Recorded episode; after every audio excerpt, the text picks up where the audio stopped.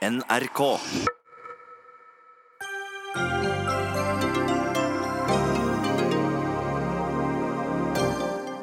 Bøndene og staten skal igjen forsøke å komme til enighet i årets jordbruksoppgjør, noe som er langt fra sikkert at de klarer. Staten kaller forhandlingene krevende før de har begynt.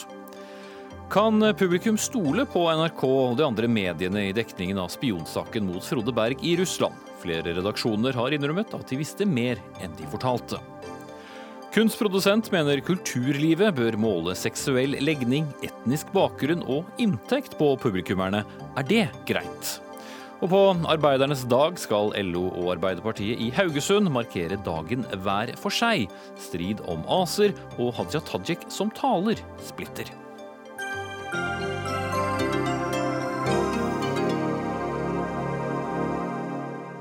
Dette er eh, menyen for kveldens Dagsnytt 18, og frykt ei, vi skal også innom Norges mest omtalte melding i denne sendingen. Jeg heter Espen Aas. Det noen kaller vårens eh, vakreste eventyr er i gang, skjønt det er alltid usikkert hvor vakkert det kan bli. For i dag har Norges Bondelag og Norske Bonde- og Småbrukarlag overlevert sine krav til staten med en inntektsramme på litt over 1,8 milliarder kroner. Et sentralt krav er sterk økning i statlige overføringer og et nytt tilskudd til små og mellomstore bruk. Og departementsråd i Landbruksdepartementet, Leif Forskjell, det er du som er statens forhandlingsleder når eh, det hele starter i begynnelsen av mai, og dette har du kalt eh, en et krevende utgangspunkt. Betyr det at eh, organisasjonene som eh, flankerer deg, bør dempe forventningene sine allerede?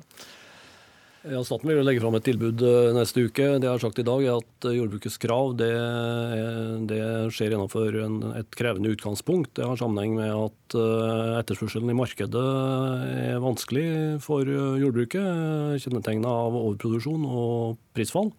Og så har man også en sterk eh, kostnadsvekst. Og så er det da slik at eh, bønder driver privat næring. Og de bør jo da ideelt sett eh, hente sine inntekter i et marked ved å selge varer. Men det evner jo da jordbruket for tiden ikke, eller i hvert fall i liten grad, å hente inntektsøkning på det grunnlaget. Og Derfor snur man seg da til staten og krever betydelig økning i statlige bevilgninger. Faktisk så mye som tilsvarende 40 000 kroner per eh, årsverk eller per eh, gårdbruker i, i gjennomsnitt. Og det er utfordrende for staten. Mm. Hva er ditt største ankepunkt i kravet, da? Ja, Bortsett fra det som går på eh, rammekravet, og spesielt av finansieringen, der har jordbruket krevet veldig store økte statlige overføringer, så stiller vi jo betydelige spørsmålstegn ved denne mm, prioriteringen som som jordbruket gjør eh, innenfor disse rammene. Merete Furuberg har jo sagt før i dag at uh, jordbruket har aldri hatt en så tydelig prioritering av små og mellomstore bruk. Uh, det er jeg enig i. Uh, det høres tilforlatelig ut. Men det innebærer jo også at jordbruket i veldig liten grad prioriterer bønder som er driver litt større målestokk, som er hardest ramma av prisfallet, av kostnadsveksten, og som forsøker å leve av jordbruk i større grad. Og et, en ting til, jeg vil altså stille spørsmålstegn ved det generasjonsregnskapet som eh, jordbruket eh, legger opp til her. Man prioriterer nok i realiteten godt voksne bønder på bekostning av ungdom. Ja, her var det mange ting som uh, de to andre i studio ønsker å svare på, selvsagt. Begynner med deg, Merete Furberg, leder i Norsk Bonde- og Småbrukarlag. Jeg må bare aller først spørre deg helt kort, når var du sist fornøyd med et oppgjør? Eh, hvis fornøyd kan sies å skrive under, så har jeg på de åtte åra jeg nå Det er åttende gangen. Så skrev jeg avtale i 2013. Eh, og da lå det jo mest i det at det ble eh, prata om en opptrappingsplan. Så det jeg skrev under på, var jo ikke helt fornøyd med, men eh, det var slik resultatet ble. Og så var jeg veldig fornøyd med tanker på opptrappingsplan. Men da jeg har ordet, det med å si at den prioriteringen som vi har gjort, er feil, så tilbakeviser jeg det. For det første så, så har jo inntektsforskjeller mellom de ulike bruksstørrelser vært store. Så det er en veldig bra utjevning. Men eh, det er riktig det at kostnadsveksten er størst for de store. Og her må vi huske på at de, slik vi skal bygge opp og, og inntektsmuligheter for bønder, de største skal ha inntektsmuligheter med prisuttak i markedet. Og her er det dessverre slik at eh, vi har lekkasjer i importvernet. Vi hadde vi hatt, uh, tatt ut alle de muligheter med å bruke handlingsrommet i importvernet, så kunne vi hatt større mulighet for å ta ut økte priser. Uh, men for de største bøndene så ser jeg at her er det kostnadsvekst, og vi må gjøre en jobb for å få til bedre situasjon. Men når inntektsforskjellen har vært så stor mellom uh, små, mellomstore og store, så er det helt riktig det vi har gjort. Og vi svarer òg på stortingsflertallet, mm. som har uh, pekt på nettopp 15-30 kyrsbruket. Men uh, når uh, departementet her da sier at markedet altså Dere er ikke tilpasset markedet, så nå må staten komme inn med pengene. Skal det være sånn at alle skal kunne drive jordbruk og landbruk her i landet? Eh, spørsmål om alle. Vi skal ha absolutt all jord eh, og enda mer i drift. Eh, det er slik at vi må tenke på enda mer selvforsyning i landet vårt. Og vi har absolutt ikke nådd noe metning når det gjelder såkalt overproduksjon eller markedsubalanse på planteproduksjoner korn, eh, frukt, grønnsaker. Eh, vi har mye å gå på. Og Men må fortsatt subsidieres? Verk, verktøy for å kunne da ha markedsbalanse, så er det store muligheter for alle våre produksjoner. Mm. Men er den situasjonen dere har havnet i, overraskende? Eh, det vil jeg ikke si. ja, med det som skjedde i grep som eh, ble gjort fra staten i 2014, med fokus på volum og et frislipp. Men jordbruket skal ha, og vi vil ha ansvaret for den økonomiske markedsreguleringen. Men da må staten gis verktøy som gjør at vi har muligheter til å utøve den. Og penger. Ja, penger skal det være til oss i Norge som bønder, som det er i alle land i verden, bortsett fra ett. Mm. Eh, Lars Petter Bartnes, du er leder av Norges Bondelag. Hva er årsaken til at norske bønder har hatt så sterk økning i denne kostnadsveksten? Det har eh, et utspring i at eh, for å ta det litt større bildet, eh, så var jordbruksoppgjørene både i 2014, 2015 og 2016 prega av fallende kostnader og veldig flat kostnadsutvikling. Eh, det som er situasjonen nå, eh, når eh, budsjettnemnda har lagt fram tallene som grunnlag for jordbruksoppgjøret, det er at vi ser at det er stigende kostnader knytta til energi og kapital bl.a. for 2017-2018, og vi forhandler for 2019, og det er samme grunnlaget som ligger her. Sånn at det oljeprisfallet som skjedde i 2013, det ga et handlingsrom for jordbruket å kom med et lavere rammetall i de åra tidlig i denne regjeringsperioden. Mens nå så blir ramma større. Og Det handler først og fremst om å dekke inn kostnadsveksten som kommer. I tillegg så er det uh, viktig for oss å skape et inntektsmulighet for de gårdbrukerne som er i næringa. Det mener jeg vi har gjort med det kravet. Jeg ønsker også å peke på ett forhold. og det er at vi i år krever en reduksjon av inntektsavstand på 6000 kroner. Det er det laveste som er gjort de siste tolv åra. Sånn at når staten prøver å få dette jordbruksoppgjøret til å framstå som et, et kostbart oppgjør, et ublu oppgjør, så vil jeg påstå at det er en moderat inngang basert på den kostnadsveksten som ligger her, og det potensialet som vi eh, må jobbe fram for å skape inntektsmuligheter. Så er det sånn at eh, når staten peker på at markedene er i sterk endring, og han antyder også at eh, interessen for å handle norske varer går ned, så vil jeg påstå det at det er, det er noe unyansert framstilling. Hvordan da? For det første så er det melkemarkedet som er pressa eh, på, på eh, volum. Eh, og det handler ikke minst om forbrukertrender. der at I Norge og internasjonalt så går melkeomsetninga ned. Men er ikke det markedet, da? Jo, men altså, Poenget er jo at det har jo ikke noe med isolert sett jordbruksoppgjøret å gjøre, og en, en, prising av norske landbruksvarer. Det har like mye med trender å gjøre. Også årets eh, jordbruksoppgjør det er jo basert fra vår side på mer betaling over budsjett. Ja, og det fører også til lavere forbrukerpriser enn det vi har sett i, på, på, på lang tid. Men er det staten som skal forholde seg til trendene, eller dere? Vi er avhengig av å forholde oss til trendene eh, på begge sider av bordet. Og vi har gjort det gjennom å bruke eh, mindre eh, økonomi på de produksjonene som har ubalanse i markedet. Det være seg spesielt sau og gris. Der eh, går vi inn og så dekker kostnadsveksten og ikke gir ytterligere stimulans eh, for, eh, for, inntekt. Og Det mener jeg er en klok måte å bevege seg inn i. Når vi har uro i markedene, så bruker vi ikke produksjonsdrivende virkemidler. Og så er det de andre markedene der det er potensialet for å produsere mer, som korn, grønnsaker, frukt. Det prioriterer vi en satsing på. Ja, ok, forskjell her, her, var det mye, men Bondelaget mener de har vært relativt beskjedne her? Ja, jeg hører det. det utgangspunktet her er jo da at eh, etterspørselen svikter i markedet. og Så er det noen nyanser i det som det blir sagt, men i det store bildet er det sånn. Og Det har jo jordbruket tilrettelagt for sjøl gjennom å ha forfulgt en inntektsambisjon som i betydelig grad, eh, sett litt tilbake, er finansiert med prisøkninger. Og så er den sitronen som da heter prisøkning, den er da skvisa sånn at det er ikke mer saft igjen i den eh, sitronen. Og Da forfølger man fortsatt inntektsambisjonen, men snur seg da til staten og krever 1460 eh, millioner kroner i økte bevilgninger over statsbudsjettet. 40 000 kroner eh, per bonde i, i, i gjennomsnitt. Eh, så det er jo ren eh, logikk dette, men man stimulerer da så å si tilbudssida gjennom denne inntektsambisjonen. Så vil jeg tilbake til Jeg vil bare ta den tingen ja. først, for det blir vanskelig for lytterne og ja. seerne å, å, følge med her. For det er jo et poeng, Dere er jo da eh, deres egne bedrifter, altså medlemmene deres er jo egne bedrifter. Selvstendig næringsdrivende skattes som sådan, for så vidt, eller det er det de regner seg selv som. Men er det da, eh, Forholder man seg helt reelt sett til markedet når man da må gå eh, til staten og eh, si at hør nå her, nå har vi hatt den inntektsveksten, markedet har vendt oss imot oss. Skal vi opprettholde en, en lønnsvekst, så, så må dere komme inn.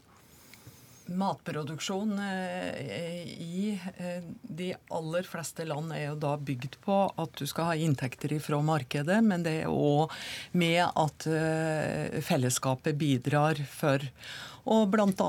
da eh, gjør det slik at eh, vi kan ha landbruk i hele landet. Vi kan ta, ivareta veldig mange andre oppgaver som vi bønder har, med biologisk mangfold, kulturlandskap osv. Vi har mange. mange. oppgaver. Eh, nå, ved at vi blir, sjøl om befolkningsveksten har flate nå ut, så blir vi flere folk i Norge. Og med klimaendringer, med andre ting vi leser i verden, så er vi nødt til å øke i hvert fall planteproduksjonen i Norge. Vi må øke jordbruksarealet. Da gjerne? Eh, folk eh, trender, og vi må jo òg være med å påvirke det som eh, folket vil ha. Og vi ser at det er en økende etterspørsel etter sunn lokalmat og kortreist mat. Og etter hvert som det blir at internasjonale alvorlige trender kommer inn til landet, så er jeg sikker på at vi er nødt til å tenke mer på egen matproduksjon. Men, til, men, da vil, vil, dere også være mer tilpasset, er det det du sier? At eh, dere følger nå trendene så dette kan bedre seg over sikt, men at man er i et dårlig eh, år nå? Da? Vi, vi er selvstendig næringsdrivende, som vi har vært inne på. Og vi har hatt to måter å hente penger eh, til inntekt på. Men vi må ha rammebetingelser som gjør at vi kan ta ut økte priser. Og Stortinget, det er et bredt flertall på Stortinget eller, som sier at vi skal ha reduksjon av inntektsforskjellen mellom oss bønder og andre grupper. Og da er det på ingen måte ublutt, det vi har krevd. Mm. Martnes? Eh, jeg har lyst til å kommentere eh, det staten sier om 40 000 eh, per årsverk. Det som er det reelle i vårt krav, er jo at vi ber om en års, inntektsmulighet på 25 300 kroner. Og det er finansiert eh, med budsjett. Eh, det er da eh, også for å dekke kostnadsveksten i næringa, og som jeg sa, gi en mulighet til å øke inntekter. Det som er noe av kjernen her, det er jo at vi, vi, Det er ingen ny situasjon at det er ubalanse i markedene. Det har vi hatt før også, og vi har klart å håndtere det. Det, eh, det, vi, det, vi, er opptatt av nå, det er å kunne bidra til å bedre prisuttaket for bonden. Og Det er også en, et viktig punkt eh, knytta til å sikre økonomien for de større brukene, som ikke finansieres så tungt på budsjett. Vi ønsker og mener det er riktig å gå inn og eh, dempe produksjon gjennom virkemidler, sånn at eh, vi tilpasser produksjon til det som er i markedet. Det har Norge hatt tradisjon for å gjøre, og det er en viktig del av den eh, modellen som vi driver matproduksjon for her i landet. Og Det krever et initiativ, også fra regjeringa, for å bidra til at vi kan gjøre det. Mm. Og øh, regjeringen ved forskjell, eller departementet da, strengt tatt, øh, skal få øh, siste ord i denne saken, som en av, av dere tre. Er det ikke også sånn at dere alltid starter med å prøve å dempe forventningene og kommer til å komme med et lavt tilbud når det kommer? Mm, jo, det er jo en del av eh, spillet alltid mellom krav og tilbud og parter som, som skal forhandle. Men eh, utfordringen har vi jo til dels vært eh, inne på i praten her nå. Altså Jordbruket henter i dag ca. 70% av sine inntekter i markedet ved salg av varer. I jordbrukets krav, som da er en krav om økning, så henter de 10% av inntektene fra økte priser. Og Det forteller jo da alt om at eh, her vrir jo da jordbrukets krav eh, jordbruket i retning av å bli avhengig av statsbudsjettet. Og legger jo i stor grad opp til at jordbruksforhandlingene blir en forhandling om en eh, budsjettavtale. Det blir jo da hovedsida i i det makrobildet som vi, som vi ser på. Mm. Og Det vet jeg dere gjerne skulle ha kommentert, men vi må sette strek der. Eh, hvor langt ut på jordet unnskyld uttrykket, bøndenes krav måtte være mot, mot det tilbudet eh, som kommer, vet vi altså om relativt kort tid. Takk skal dere ha, Leif Forskjell fra Landbruksdepartementet, Lars Petter Bartnes fra, Bartnes fra Bondelaget og Merete Furberg fra Norsk Bonde- og Småbrukarlag.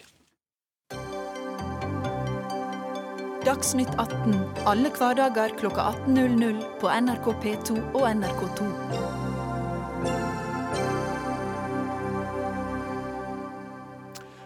Og så skal vi til denne meldingen, da, som den siste tiden har eh, blitt til en eh, politisak. Eh, for det var altså ingen som meldte seg som avsender av den grove meldingen som ble sendt til tidligere Senterpartileder Liv Signe Navarsete for to år siden. Ingen meldte seg da fristen gikk ut ved midnatt natt til i dag, og dermed har Senterpartiet politianmeldt saken. Men hva kommer så ut av en slik politianmeldelse? Jørn Jacobsen, du er professor ved juridisk juridisk fakultet på Universitetet i Bergen. Hva tror du eh, politiet gjør med denne anmeldelsen? Eh, politiet må vurdere denne anmeldelsen som alle andre anmeldelser, men eh, mye kan vi tale her for at denne saken nok blir henlagt av politiet. I hvilken grad er en slik melding straffbar? Dette eh, bygger på en ganske sånn konkret vurdering av eh, den ytringa som det er tale om, og den konteksten som den er framsatt i. Eh, vi snakker om her om en mulig seksualforbrytelse, men da i det nedre sjiktet. Det som nok trekker denne ytringa her inn i området for det straffbare, er nok eh, dels den grove karakteren den har, og også denne måte, kollektive dimensjonen ved et vi som ytrer seg her. Altså. Mm. Else Leona McClimans, advokat og partner i advokatfirmaet Økland. Eh, hvor stor sjanse tror du det er for at politiet oppklarer denne saken? Nei, Det er det vel overhodet ingen som tror de kommer til å gjøre. Uh, og, og, det er jo litt interessant, for det fremstår jo som om det, denne anmeldelsen Eh, at de vil at noen andre skal henlegge saken. Men når det er sagt, så mener jo jeg at det, hvis man er i tvil om noe er straffbart eller ikke, så skal man jo anmelde. Og det tenker jeg spesielt i denne typen saker, hvor det i så veldig mange år ikke har blitt anmeldt noen ting. Så man mangler egentlig en rettslig avklaring på disse sakene. Sånn at uh, hvis de hadde anmeldt for to år siden, så tenker jeg det ville vært veldig bra og veldig oppdragende. Mm. Fordi det jeg tror mange stiller seg litt spørsmål ved nå, er om eh, en eh, kvinne i hvilken som helst butikkyrke, hva som helst, får en tekstmelding sent en natt fra en kollegas telefon med et grovt innhold, og hun da to år senere eh, går og anmelder denne saken. Hva ville hun bli møtt med? Nei, hun ville jo bli Hun ville jo bare bli ledd av. Altså, og, og, det er jo det som har vært det som har vært problemet i veldig mange av disse sakene. Det er jo at kvinners opplevelser blir bagatellisert, neglisjert. Vi får høre at vi misforstår, og at, vi, eh, at det ikke er så alvorlig. Men for enkeltpersoner som får disse meldingene, så er det ganske alvorlig. For dette er jo ikke akkurat det man ville sagt på jobb. Det er jo ikke det man ville sagt eh, i kantina eller, eller sånn til daglig. Mm. Eh, Jørn eh, Jacobsen, er det en del av historien her også at dette er en så omtalt uh, sak med så enorm mediedekning, uansett hva man måtte mene om den, at politiet nærmest ikke har noen, noe valg? Eh, medieoppmerksomheten rundt denne saken er naturligvis en dimensjon ved den. Eh, men det utgangspunktet for politiet naturligvis er at de skal ta alle anmeldelser alvorlig og undersøke dem. Og så er Det så at eh, det er bl.a. kapasitetsgrunner og lignende grunner som gjør at man ikke kan undersøke like grundig og gå like dypt inn i alle saker. Men eh, som et utgangspunkt så, så stiller denne saken seg på lik linje med andre. sånn sett. Mm. Eh, til Dagbladet har jusprofessor Alf Petter Høgberg sagt at det fremstår nesten som parodisk at partiet skal bruke tid og krefter på dette, eh, politiet skal bruke tid og krefter på dette sludderet. Til oss i NRK har statsadvokat i Oslo, Jørn Sigurd Maurud, sagt at saken ikke fremstår så alvorlig at den etter hans skjønn bør prioriteres til eh, for trengsel for andre gjøremål. Og Mac Climens er den viktig nok til at den skal fortrenge andre mer alvorlige straffesaker? Altså Politiet har jo de ressursene de har. Ja, Ikke to år etterpå, men jeg tenker jo hvis den hadde blitt tatt tak i på skikkelig måte, så kunne man jo f.eks. innkalt disse til avhør. For jeg tenker jo at det å altså I forhold til en slags sånn oppdragende effekt av denne typen anmeldelser, så ville det jo vært svært oppdragende hvis man plutselig ble innkalt til et avhør basert på en melding som var sendt i fylla. Mm. Tenker du også at uansett uh, om utfallet blir det dere vel begge regner med at det får, at den får en slags uh, symbolverdi? Ja, jeg tenker det er viktig jeg, at uh, jenter og damer nå begynner å si at nok er nok. det tenker jeg. Mm. Eh, men eh, Jacobsen, eh, signaleffekten da, med at man etterforsker saken til én profilert kvinne to år etter denne hendelsen, gir man ikke også kanskje et falskt signal om at dette blir tatt mer alvorlig? For vi, vi vet jo prioriteringen hos, hos politiet. Mindre, mindre saker blir ikke prioritert, de store blir. Ja, men det som sagt, jeg tror nok at For politiet og påtalemyndigheten sin del så er ikke disse på en måte signalhensynene så viktige som på en måte de rent strafferettslige vurderingene som de må gjøre, og de faglige prioriteringene de må gjøre mellom ulike saker og ulik alvorlighetsgrad. Så, sånn sett tenker jeg at eh, Fra et strafferettslig perspektiv så skal ikke man fokusere for mye på effekter av eh, den ene eller andre opptredenen her. Her må man rett og slett eh, se på det strafferettslige og, og vurdere om dette er alvorlig nok til å gå videre med. Mm. Og hele Grunnen til at denne saken har på en måte kommet opp igjen etter to år, er jo eh, selvfølgelig da eh, metoo eh, og de avsløringene som har kommet i, i, kjølvannet av det. Men det er jo dermed igjen lett å tenke at hadde den blitt anmeldt da den kom, så hadde den også da bare blitt lagt bort. Så det er jo sakene som kommer herfra ut, kanskje, som i så fall har en teoretisk sjanse for å bli tatt mer alvorlig. Ja, Det kan hende. Men jeg tenker at bare det at denne saken har blitt belyst så godt som den har, det gjør jo at mange kanskje vil tenke seg to ganger om før de sender denne type meldinger, selv om det er sent, og selv om de har det gøy. Så du tenker det har en mer oppdragende effekt på eventuelt øh, overkant bedugde herrer, eller i hvert fall herrer på, på guttetur som, som, finner ut at de skal gjøre noe gøy? Ja, jeg tenker dette handler litt om allmenndannelse og det å behandle andre kollegaer eller partifeller på en skikkelig måte. Mm. Men det er altså uansett eh, et viktig poeng at alt skal anmeldes, eh, selv om det tar den tiden det tar å, å henlegge den? Ja, altså Er man i tvil om noe er, eh, har et strafferettslig tilsnitt eller ikke, så syns jeg at det skal anmeldes. Mm. Eh, og så får, må jo politiet selvfølgelig jobbe innenfor de rammene de har. Mm. Um, Jørn Jacobsen, professor ved juridisk fakultet ved Universitetet i, i Bergen. altså Én uh, ting er jo her selvfølgelig at uh, fornærmede ønsker å få en, en, avklaring. Men når denne saken nå blir henlagt, så vil vel fortsatt denne mistanken henge over alle ti som var med på, på hytteturen. hva skal vi tenke om hva som sånn sett skal være neste kapittel i denne saken, om noe? Eh, det er jo, er jo, egentlig et spørsmål som ligger utenfor det rent strafferettslige å vurdere. Eh, men vi kan jo si det sånn at eh, mistanken vil vel lett henge igjen, gitt den oppmerksomheten som saken har fått osv. Men på den andre sida er det også slik at i, i, vårt samfunn så skal man ikke tillegges skyld for uh, handlinger som man ikke har vært involvert i. Så man uh, får også vise en viss tilbakeholdenhet, og ikke på en måte dømme på grunnlag av en mistanke. her. Mm. McLarens kommentar det? Jeg tenker jo det vi ser, er jo at uh, krenkende seksuell oppmerksomhet, for å kalle det det, det bør tas tak i. Mm. Eller man bør avstå fra å gjøre det. Mm. Da setter vi strek. Takk til eh, Else Leona McClimans, advokat og partner i advokatfirmaet Økland, og Jørn Jacobsen, professor ved juridisk fakultet ved Universitetet i Bergen.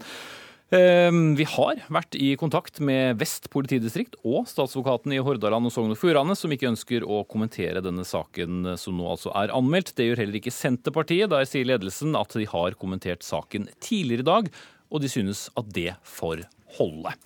Og etter at trakasseringen av Liv Signe Navarsete ble kjent for drøyt to uker siden, så har partiet fått et nytt varsel som behandles nå, ifølge Dagsavisen. Og vi følger situasjonen i Senterpartiet utover kvelden her i NRK Nyheter.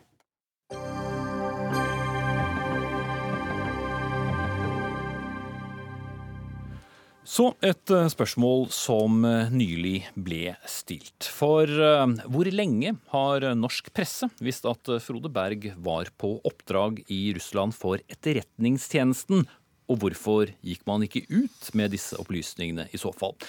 De spørsmålene har blitt eh, hengende i luften etter at Dagbladet først avslørte koblingen på søndag. Et eh, kvarter senere publiserte NRK den samme saken. Og i etterkant har flere journalister og også redaksjoner innrømmet at de har visst om dette over tid.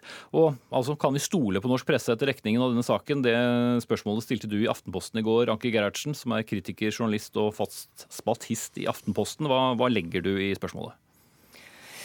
Ja, altså jeg mener jo ikke at NRK eller andre skal kaste ut påstander uten dekning eller troverdige kilder. Men eh, det jeg lurer på, det er om det ikke finnes en mellomting mellom uskyldig eller rundlurt mann fanget i Moskva og dette er en spion eller en kurer eller på oppdrag eller hva det var.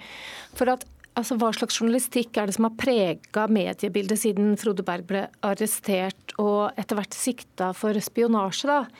Eh, det har vært eh, en lite nyansert fortelling som først og fremst har fokusert på den forferdelige situasjonen Berget har havna i. Det har vært laget mange saker om støttegruppa og deres overbevisning, om tiden som har gått og hvor vanskelig dette er har vært for den fengslede. Og for all del, dette er helt legitime og viktige ting å lage journalistikk på. Vi snakker om et forferdelig fengsel i et land der rettssikkerhet nærmest er en vits. Men så kom jo tvilen, og etter hvert kom kjennskap og kunnskap inn i redaksjonen om at dette nok ikke var en helt uskyldig mann. Og så har man allikevel valgt å holde mer eller mindre tett om det, og på den måten, særlig gjennom kildevalg og vinklinger, sementert en oppfatning i befolkningen om at dette var ganske svart-hvitt. Så, så, mitt spørsmål er altså Gikk det ikke an å lage saker? Gikk det ikke an å skrive eh, kommentarer? Gikk det ikke an å vise en drøfting som kunne gi publikum en forståelse av den kompleksiteten som vi nå har skjønt at mange redaksjoner hadde kjennskap til. Mm. Vi skal eh, stille et spørsmål videre til Marius Tetli, som er fagredaktør her i NRK, og sånn sett ansvarlig for disse spørsmålene. Morten Jentoft, som da er NRKs korrespondent i Moskva, eh, sa at NRK lenge har visst om koblingen mellom Berg og den norske etterretningen. Hvorfor ble da ikke det meddelt i NRK før det sto i Dagbladet? Det er ikke uvanlig at eh, journalister og, mediehus får, eh, får, vite interessante opplysninger i, i, saker man jobber med. Eh, noe annet er det å kunne gå ut og publisere alle opplysninger og den informasjonen man sitter på. Eh, I denne saken så har vi gjort helt ordinære redaksjonelle vurderinger. Og vi har eh, gjort vurderinger opp mot de kravene som Vær varsom-plakaten stiller til oss. Nemlig har vi dekning for opplysningene? Eh, har vi, har vi gjort det riktige, den riktige, kildekritikken som gjør at vi kan gå ut med opplysninger? Det er det denne saken handler om. Jeg mener at Anki Gerhardsens spekulasjoner er grunnløse i så måte. Men NRK publiserte da en sak ett kvarter etter at det sto i Dagbladet. Var det da greit? Nei, Det er jo sånn at eh, det som skjedde, var at Dagbladet eh, gikk ut med en sak eh, hvor, hvor forsvareren, den norske forsvareren til, til Frode Berg var kilde til disse opplysningene. Han sa at, at han var på oppdrag for den norske E-tjenesten. Og, så var det sånn at flere mediehus laga oppfølgere på det. Da var det en opplysning som var ute i det, i det offentlige rom, med en, en som målbar disse, målbar disse opplysningene. Eh, og så laga vi og andre mediehus oppfølgere på det. Men vi hadde ikke noen andre opplysninger det, etter det kvarteret enn vi hadde et kvarter tidligere?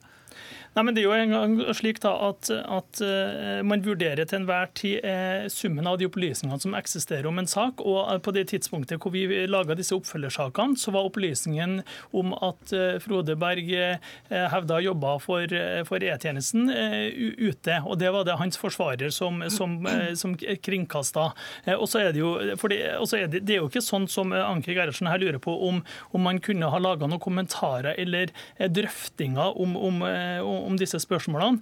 Det er jo sånn at Også i, kommentarartikler så, så må man jo følge de, de, presseetiske reglene. Eh, de må være faktabasert. Sist i dag så er jo, så er jo finans, eh, Finansavisen dømt i Pressens faglige utvalg nettopp fordi at de har, har vært upresise i en lederartikkel. Så det er ikke sånn at man bare eh, tror at det er lettere å, å lansere teorier og opplysninger som, som, som, man, som ikke er fakta, faktuelle og bekrefta i, i, i kommentarform form. Mm. Ja, ja, Gerhard vet man det, så vet man ikke. Ja, Men nå, eh, etter det som har eh, blitt skrevet eh, og sagt i NRKs egne kanaler, så var det jo ikke at vi hadde hørt rykter om. Det var at, satt, at NRK selv satt på opplysninger og hadde kjennskap til de faktiske forholdene.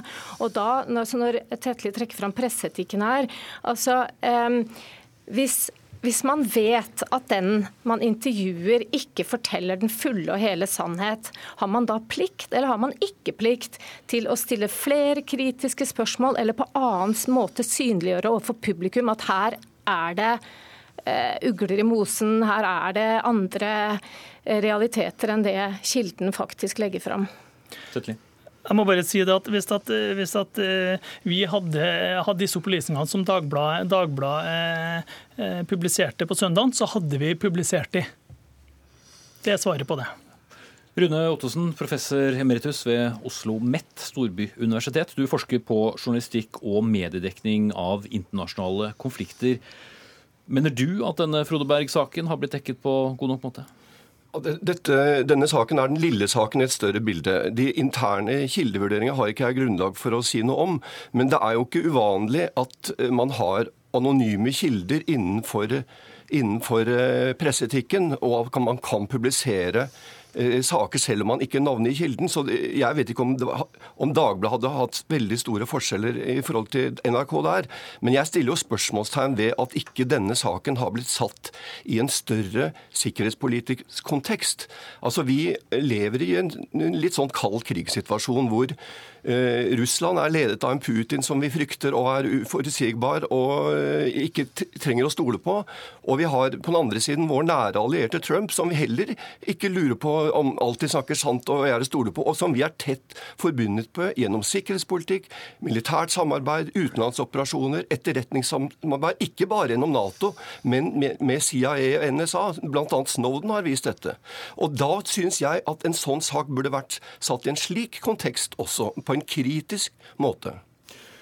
Arne Strand, politisk kommentator i Dagsavisen, tidligere sjefredaktør i samme avis og en uh, svært erfaren uh, journalist i, i norsk uh, presse. Du har også skrevet mye om Frode Berg-saken. Mener du at vi har dekket den på en kritisk nok måte?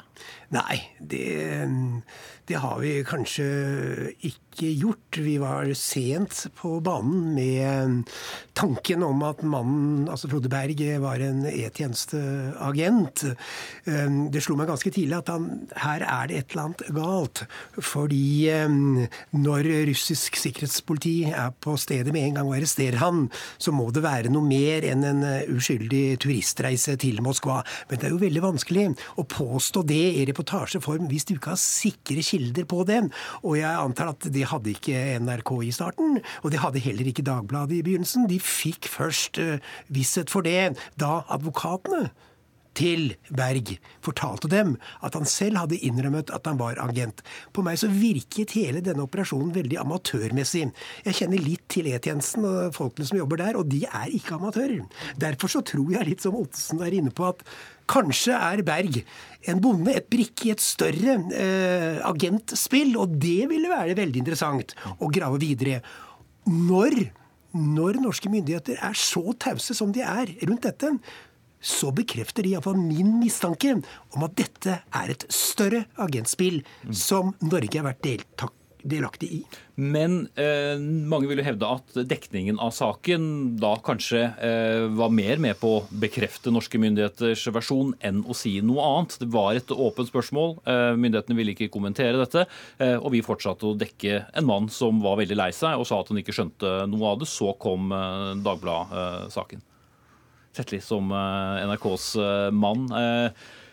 Dagbladet var jo bl.a. en avis som sa tidlig her er det noe som Etterretningstjenesten ikke sier. Kunne vi vært skarpere? Kunne vi stilt flere spørsmål rundt denne saken? Eller måtte vi vente på disse bekreftelsene? Eh, vi må alltid eh, stille oss spørsmålet om vi kunne ha dekket en så stor sak eh, på en annen måte. Men nå er vi midt i dekninga av denne saken fortsatt. da. Frodeberg sitter nå fortsatt fengsla i, i, i, Moskva. Og vi og mange andre medier driver fortløpende dekning av dette for å finne ut hva har skjedd her. Hvem skal i så fall holdes ansvarlig? Det er jo en del av den journalistikken vi, vi, vi går opp nå. Og, og det er Jeg vil også si til til, til, til Gerhardsen at uh, hun har stilt spørsmål ved om vi kan stole på norsk presse med bakgrunn i, i denne saken. Uh, og så uh, resonnerer rundt at hun an, det er nærliggende å anta at, at mange undersøkende, engasjerte og dyktige pressefolk med stor og omfattende kildenettverk, de må også ha visst. At skal vi diskutere tilliten og arbeidsmetoden til norsk presse, noe vi bør gjøre, så, så tror jeg vi må basere det på en litt mer faktaorientert Eh, diskusjon enn, å, eh, enn antagelser. Mm, Gerhardsen skal få svare på det først. Ja, eh, jeg har på en måte allerede sagt, svart på det der. Altså, selvfølgelig så skal man ikke spekulere eller komme med påstander man ikke har dekning for. Men som som Ottesen også sier her, så kan man bruke anonyme kilder i en sak av en så stor interesse, som har så stor samfunnsmessig interesse som denne saken har. Så Det har jo pressen gjort stadig vekk tidligere. Og så snakker Jeg altså ikke, jeg snakker primært om å gi publikum en opplevelse av kompleksitet. Finne en måte når, si, når redaksjon etter redaksjon har sagt at de visste ting, så må man forsøke å formidle til publikum noe annet enn en fasttømra fortelling om svart-hvitt. Det er det som er mitt anliggende. Og jeg syns at, at, NRK i hvert fall burde liksom være med på at her kunne man ha gjort ting litt annerledes, da, framfor å si at de, min kritikk er helt grunnløs og helt uten, uten hold. Jeg skal bare si en ting, fordi at det vi nå har sett, kommer jo til å henge ved oss. ikke sant? Altså Neste gang da norsk presse skriver om dette stoffområdet, hvordan mener redaktørene, hvordan mener Tetli at leserne skal forholde forholde seg til det stoffet? Skal de tenke ja, det ligger nok en del ting bak her som de ikke vil si ennå, vi må ta det med en klype salt? Altså, hvem, Hvordan skal de forholde seg til dekningen av dette feltet? Mm, det du kan være helt sikker på, er at øh, øh, norske medier, nyhetsredaksjoner i seriøse mediehus. De holder ingenting tilbake. Så vi sitter ikke og vet mer enn det vi har Det som er sant og riktig, de kommer ut på lufta og i avisene med en eneste gang etter at en sak er gjennomsjekket og, og grundig nok eh, behandlet. Nå må du også huske på at det er jo mediene som har avslørt denne saken. Eh, Forsvarsdepartementet, Utenriksdepartementet og statsministeren har jo holdt helt tett. Ville ikke sagt et ord om dette. Og hadde det ikke vært for Dagbladet, hadde det ikke vært for NRK, ja, så hadde ikke folk visst dette at eh, denne mannen antagelig er en norsk, eh, norsk, agent. Så her er det altså enda en gang mediene som har ryddet opp og fått sannheten frem. Ikke regjeringen, ikke myndighetene. Eh, jeg har sjekket Stortinget i dag for å høre om utvidede utenrikskomité har blitt informert. Nei, sier de. De har altså ikke giddet engang regjeringen å informere den utvidede utenrikskomité om en så viktig sak for landet som dette. Det er kritikkverdig. Ottesen, hva har du savnet i dekningen? Jeg, jeg syns Strand lir et litt for enkelt bilde her. For det er eh, stor konsensus i norsk sikkerhet og utenrikspolitikk, og derfor i det politiske miljøet og i pressemiljøet. Derfor er det et fenomen som heter selvsensur. og man, Det er først i ettertid man ser kritisk på egen dekning. Ta Afghanistan-saken. Godal-utvalget sier at i årevis var det for mangelfull offentlig offentlig diskusjon rundt det. Vi oppnådde ikke det vi ville. Det var ikke noe særlig kritisk mediedekning. Se Libya. Eh, enstemmig storting konsensus i avisene. Nå setter man ned en, en, kommisjon, og mediene har ikke noe grunn til å være stolt av den rollen. Det har jeg forsket på selv. Og siste eksempelet nå er jo Syria. Det er vist at eh, på USAs oppfordring har norske soldater vært bakken i Syria i et halvt år uten at norske medier har skrevet noen ting om det eller stilt kritisk søkelys ved det. Har vi for mye regjeringskilder, Arne Strand? Dette er jo ikke sant. Nå, har, nå, er du dårlig forsker, for å si det rett ut. Eh, vår avis var kritisk til Afghanistan. Vår avis var veldig kritisk til Libya. Og eh, Dagsavisen har også vært kritisk til norsk utenrikspolitikk i veldig, veldig mange, mange år. Det gjelder ikke bare Dagsavisen, det gjelder Dagbladet, det gjelder delvis Aftenposten, og det gjelder selvfølgelig også aviser som ligger litt mer til venstre. Så dette er et helt unyansert og uriktig bilde av dekningen av norsk utenriks- og sikkerhetspolitikk de senere år årene, i alle fall.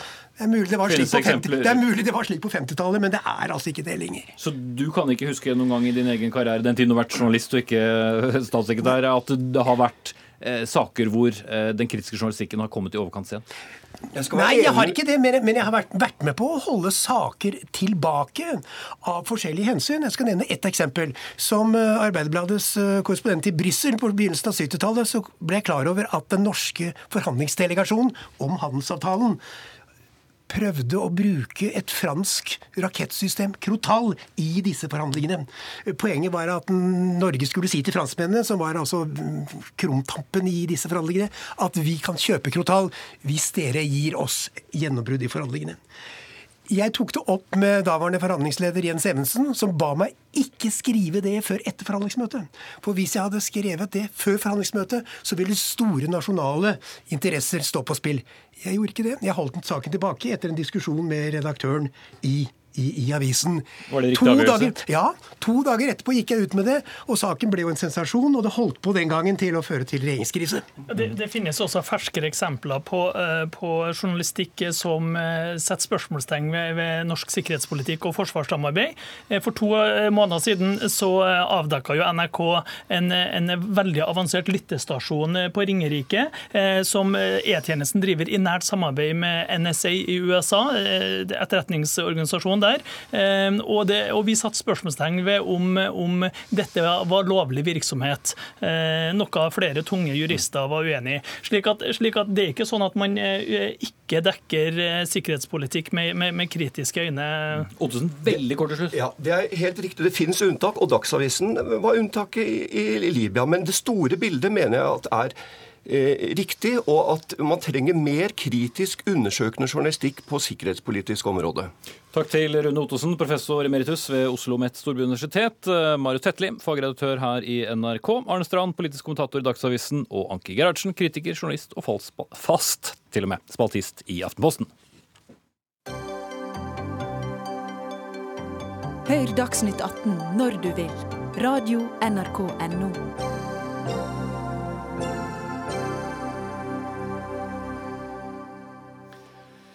Hvis du møter opp til en teaterforestilling, en kunstforestilling eller en konsert, eh, ja, da kan du jo krysse av på hva slags legning du har, hvilken etnisitet du tilhører, og opplysninger om din personlige økonomi. Vel, i hvert fall dersom et forslag som blir lansert i dagens Klassekampen skulle bli vedtatt. For for å få et bedre mangfold i norsk kulturliv ønsker kunstprodusenten Trapp at det opprettes et publikumsbyrå som fire ganger i året kartlegger publikum ved alle offentlige støttede kulturinstitusjoner.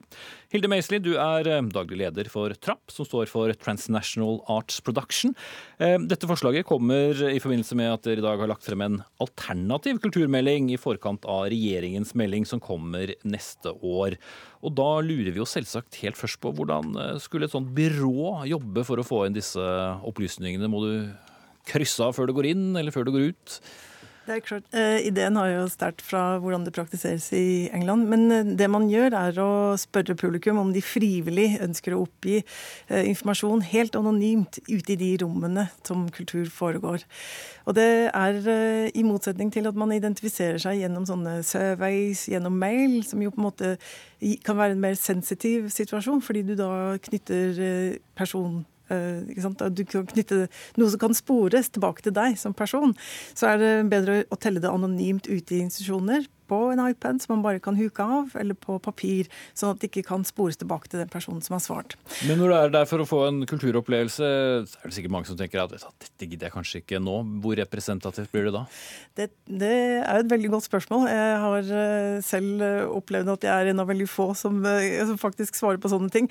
Men over tid så kan man allikevel danne seg et bilde. Og grunnen til at vi syns det er viktig, er fordi vi ønsker at kulturlivet forandrer seg på bakken i kulturlivet. At brukerne, som, eh, som folk som bruker kultur, at man også har hatt et større mangfold, av folk føler seg hjemme i kulturinstitusjonene. Og straks man også forklarer det til folk, at dette er for å finne ut om folk føler seg hjemme i det, så tror jeg, tenker jeg også at hvis man gjør den lille pedagogiske jobben, så vil man også få lettere til å få svar. Men da om man har riktig publikum, eller om sammensetningen er riktig eller gal, eller hva, hva skal du gjøre da, hvis du finner ut at eh, det er 95 hvit eh, middelklasse som eh, går i teater?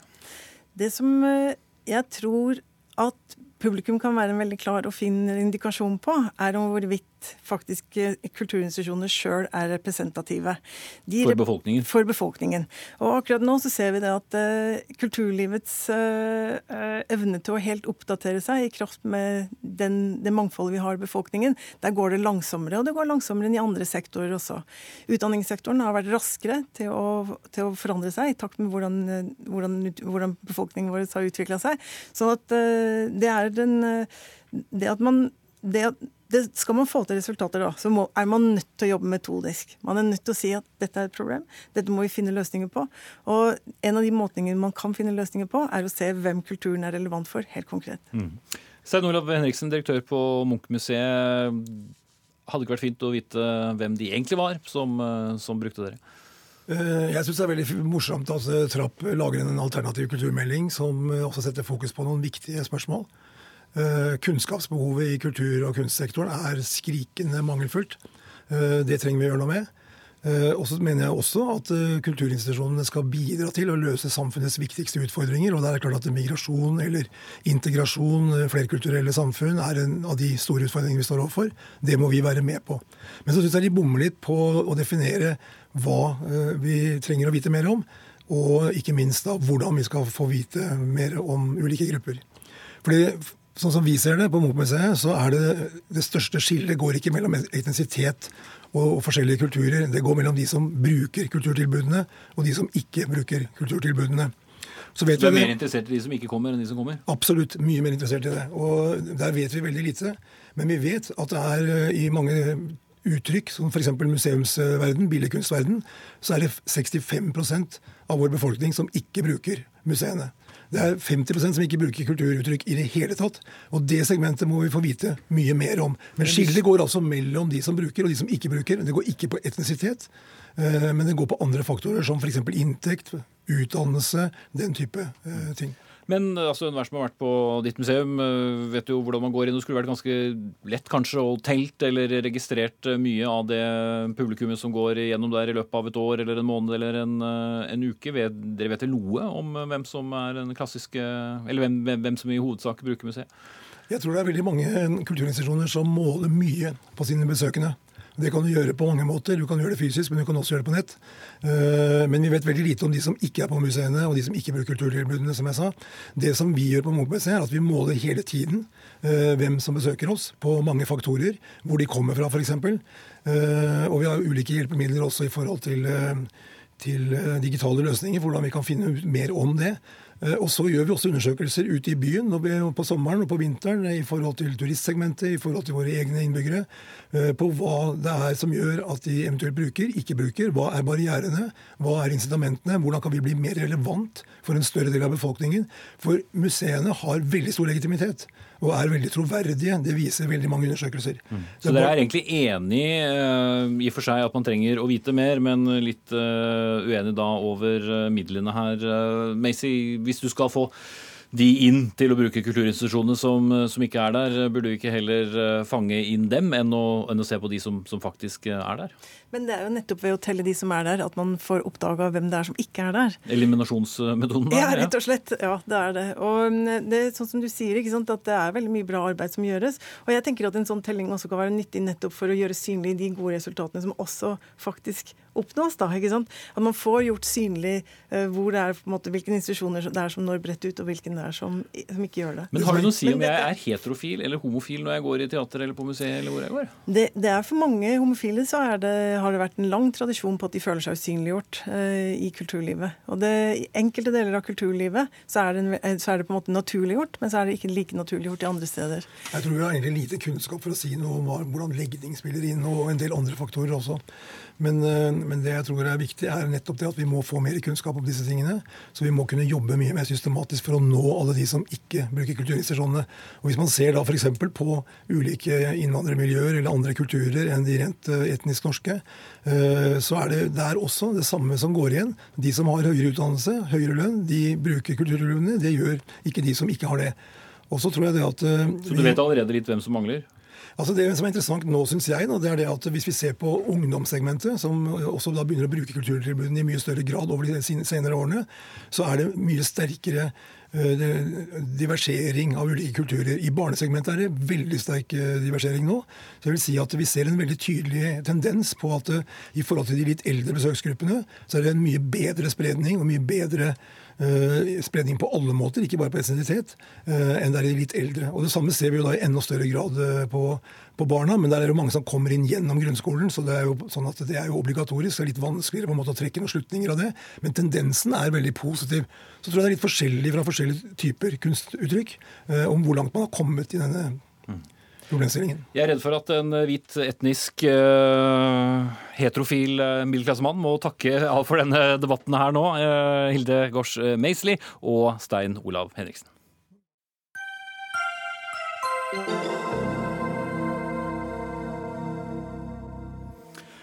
Det begynner å nærme seg 1. Eh, mai, arbeidernes dag, som jo tradisjonelt eh, er en dag som arbeiderbevegelsen og fagbevegelsen har feiret sammen. Og i Haugesund, som ellers i landet, har Arbeiderpartiet og LO i en årrekke feiret dagen side om side. Men i år blir det ikke slik. Arbeiderpartiet dropper stopper rett og slett den felles feiringen etter 1. mai-toget. Bakgrunnen er at Nord-Rogaland LO ikke ville ha nestleder i Arbeiderpartiet, Hadia Tajik, som 1. mai-taler. Dette i protest mot at partiledelsen stemte for ACER og Norges tilknytning til EUs energiunion. Og da får ikke dere noe lyst til å feire sammen med LO, ordfører i Haugesund, Arne Kristian Moen fra Arbeiderpartiet? Nei, det er jo sånn at når vår øverste tillitsvalgte ikke ønskes velkommen, ikke pga. henne personlig, men hennes funksjon, så vil jo jeg som også er tillitsvalgt oppleve at da er jeg heller ikke velkommen. Nå kunne jo LO endret det vedtaket, de hadde en mulighet til det når de så konsekvensene av det, men de valgte å la vedtaket stå. Og da ble jo vi litt sjakkmatt. Så denne gangen blir med samme mynt? Noe Nei, denne gangen blir det ikke noe 1. Eh, mai-feiring sammen.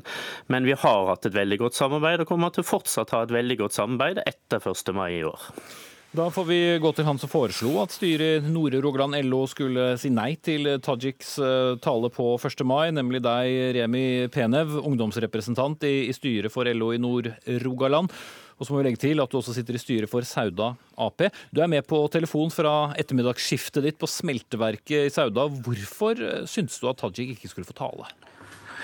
Eh, ja, altså, nå, nå, stiller jeg meg litt undrende til hva til Haugesund Arbeiderparti ønsker å oppnå med å ikke stille på 1. mai, men jeg kan jo fortelle litt om vedtaket og bakgrunnen for dette her. Det var jo en ganske stor frustrasjon og irritasjon eh, knytta til dette her eh, ACER-vedtaket, og at Arbeiderpartiet ønsket å overkjøre LO sitt syn.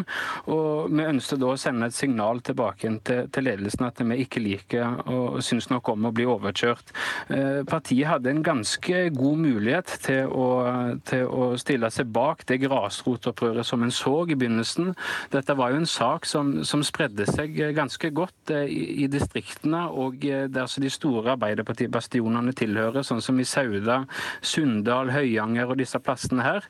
Eh, omsider så fikk en jo med seg El- og IT-forbundet, Industri Energi, fatta vedtak om nei til ACER. Så så en òg at en begynte å få vedtak i fylkespartiene mot å tilslutte seg ACER viser. Får ikke ta med hele dramaturgien her, tror jeg, for da går tiden fort opp. Nei, nei, nei, men Poenget er at uh, en hadde en mulighet til å lytte til LO og våre 920 000 medlemmer. Uh, men istedenfor så valgte en da å støtte seg på regjeringen, den mørkeblå regjeringen. Og det skjedde jo en tid rett etterpå hvor en har gjennomført det dårligste stortingsvalget som opposisjonsparti. Og da mente vi at det var på sin plass å sende et signal til ledelsen eh, inne på Youngstorget at det er ikke greit.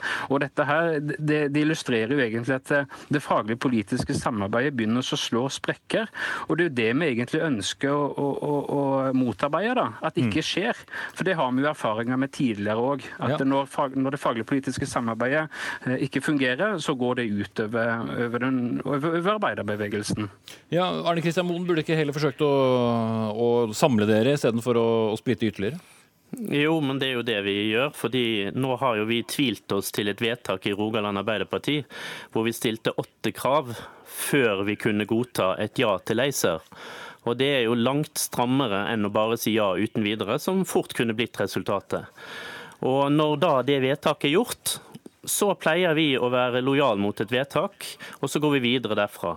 Det som skjedde nå, er jo at vår øverste leder, som faktisk lojalt fulgte vedtaket til Rogaland Arbeiderparti, skal bli straffet ved å ikke få lov å komme. Og vi syns det er forferdelig leit, for vi hadde gledet oss til å høre henne. Og vi har stor respekt for henne. Og nå stilte altså LO oss i en knipetak, rett og slett sjakkmatt, fordi de retter baker for smed, eller skyter pianisten om du vil, ved å ta Hadia Tajik i stedet istedenfor å akseptere at vedtaket er gjort, og komme videre og fortsette det gode samarbeidet på andre saker. Ja, For det endrer jo ikke så mye, dette her, Penhaug? Ja, jeg er ikke helt enig i det. Også først og fremst Dette, dette er ikke mot uh, Hadia personlig, det er mot ledelsen i partiet. Men, men altså, nå er det prosessen vi kritiserer her, uh, fram mot vedtaket i Stortinget. Det, det, det, er det vi ønsker å adressere som et problem. Og jeg kan jo nevne det at En uke før vedtaket på landsstyremøtet, så begynte lederen i partiet å snakke om å opprette lytteposter, og at en ønsket å styrke og videreføre det faglig politiske samarbeidet.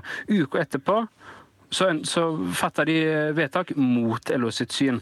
Det er jo ikke sånn en samarbeider. Og det kan jo ikke være sånn at en kun skal samarbeide på, uh, når det er valgkamp og på 1. mai.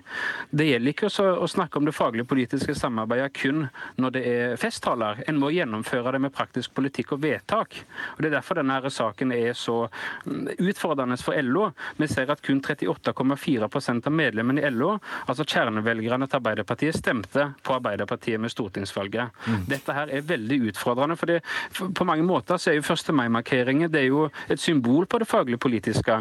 Hvor den, den, faglige og politiske delen av vår bevegelse går sammen for å sikre et uh, nytt eh, flertall på Stortinget, for å igjen sikre gjennomslag for vår politikk. Det er jo det jeg er helt sikker på at Dere understreker vel da denne splittelsen egentlig ytterligere med, med separate arrangementer? da? Nei, vi gjør ikke det. fordi vi lager ikke et eget arrangement. Men eh, LO i Nord-Norge var jo ikke enstemmig. Dette var jo så vidt et flertall, så det var jo uenighet der òg. Og så er, viktig, så er det jo viktig at det er jo ikke vi som har gjort dette vedtaket. Det er LO som etter at dette var vedtatt i Stortinget, tar en omkamp og ønsker å lage en kile mellom samarbeidet. Istedenfor at vi kunne brukt 1. mai til å komme videre, og hvor de kunne heller stilt kritiske spørsmål til Hadia Tajik når hun kom, etter hun hadde holdt tale. Men ved å avvise en tillitsvalgt i vårt parti, så er jo det å samtidig avvise alle tillitsvalgte i vårt parti. Man kan ikke skille på det. Og det var jo ikke personen de skulle ta, men det var funksjonen. Og jeg har også en funksjon som tillitsvalgt i Arbeiderpartiet. Og da føler jeg ikke jeg meg velkommen. Og man går jo ikke i et selskap man ikke er invitert til. Ja, Penem, helt til slutt, og du må ikke holde på altfor lenge. Hvor, hvor lenge skal dere være furtne? Nei, altså vi er ikke furten. Den kilen er det Arbeiderpartiet som har klart oss å stelle i stand. Men, men altså, bare for å si det her til slutt, så, så, har vi jo hatt to styremøter og et årsmøte i LO Nord-Rogaland etter vedtaket øh, ble fatta. Og vi står fremdeles fast med vedtaket. Og vi har fått utrolig mye positive tilbakemeldinger fra medlemmene som vi representerer. Vi har nesten 14 000 medlemmer i LO Nord-Rogaland. Og bl.a. Øh, fagforeningen her på, mitt, øh, på, min arbeidsplass på smelteverket og Alnor Kjemiske på Karmøy har vært veldig positive til til det vedtaket som vi har fatta. Eh, og så er Det noe sånn at det er kun Haugesund i, i nordfylket som ikke, som ikke, ønsker å delta. Alle de andre lokallagene i Arbeiderpartiet, som Sauda, Vindafjord, eh, Tysvær og Karmøy, de deltar på, på våres dag, på, på arbeidernes dag. Så dette er noe som Arbeiderpartiet i Haugesund er alene om å gjøre. Jeg tror kanskje ikke dere kommer til å gratulere med hverandre med dagen på forhånd eh, i dag, i hvert fall. Jo, men... det gjør vi gjerne. Okay. Dette har ikke noe med det å gjøre. Da er i hvert fall det eh, klarlagt. Takk til Arne Christian Moen og Remi Penev. Sendingen uh, i dag er ved veis ende. Ansvarlig for den Fredrik Lauritzen. Teknisk ansvarlig Lisbeth Sellereite. Og her i studio Espen Aas.